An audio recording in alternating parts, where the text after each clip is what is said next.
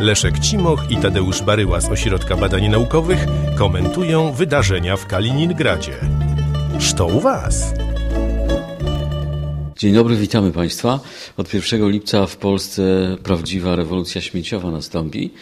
To może byśmy o śmieciach, odpadach komunalnych w obwodzie kaliningradzkim słowo rzekli. W obwodzie kaliningradzkim tej rewolucji nie ma, chociażby się przydała. Trzeba tutaj przypomnieć, że w marcu 2012 roku formalnie przyjęto taki program działań odnośnie odpadów bytowych i zabezpieczenia obwodu kaliningradzkiego w wodę pitną.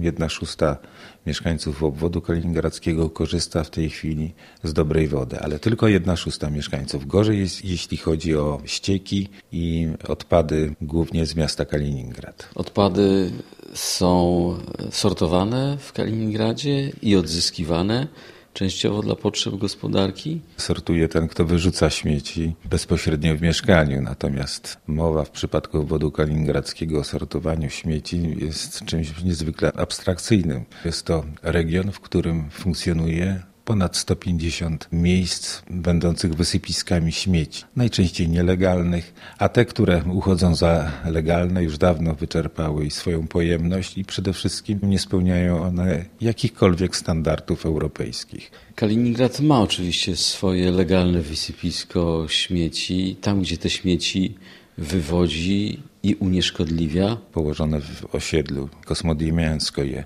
tuż pod Kaliningradem.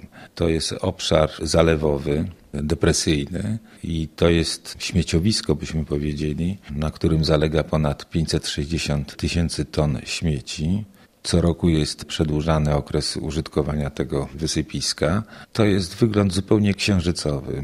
Ilość metali ciężkich, które wyciekło z tego składowiska śmieci, no jest trudna do wyobrażenia i okazywało się, że te normy europejskie są przekraczane na przykład 50, 70, 100 razy, a więc to jest naprawdę potężne zagrożenie dla przede wszystkim wód Zalewu Wiślanego, a tym samym Morza Bałtyckiego i szereg państw europejskich, głównie z Dania i Szwecji, usiłowały wdrożyć program naprawczy, jeśli chodzi o wysypiska odpadów bytowych. Mimo planów, które funkcjonują na papierze, obwodowi w tej chwili brakuje przede wszystkim pieniędzy na podstawowe potrzeby związane z zabezpieczeniem już funkcjonujących wysypisk, a przedsiębiorstwo Czystość, Czystota twierdzi, że podstawowym kosztem jego działalności jest właśnie transport śmieci na to nieszczęsne wysypisko śmieci w osiedlu Kosmodiemianskoje. Ale mieszkaniec obwodu kaliningradzkiego czy Kaliningradu płaci za wywóz śmieci. To jest duża opłata?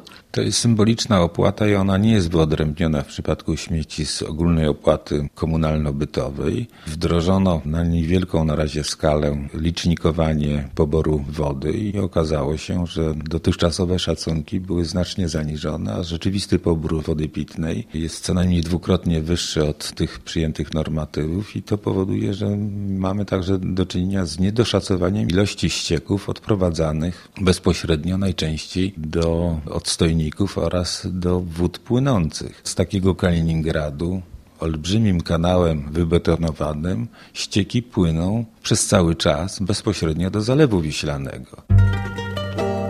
Leszek Cimoch i Tadeusz Baryła z Ośrodka Badań Naukowych komentowali wydarzenia w Kaliningradzie.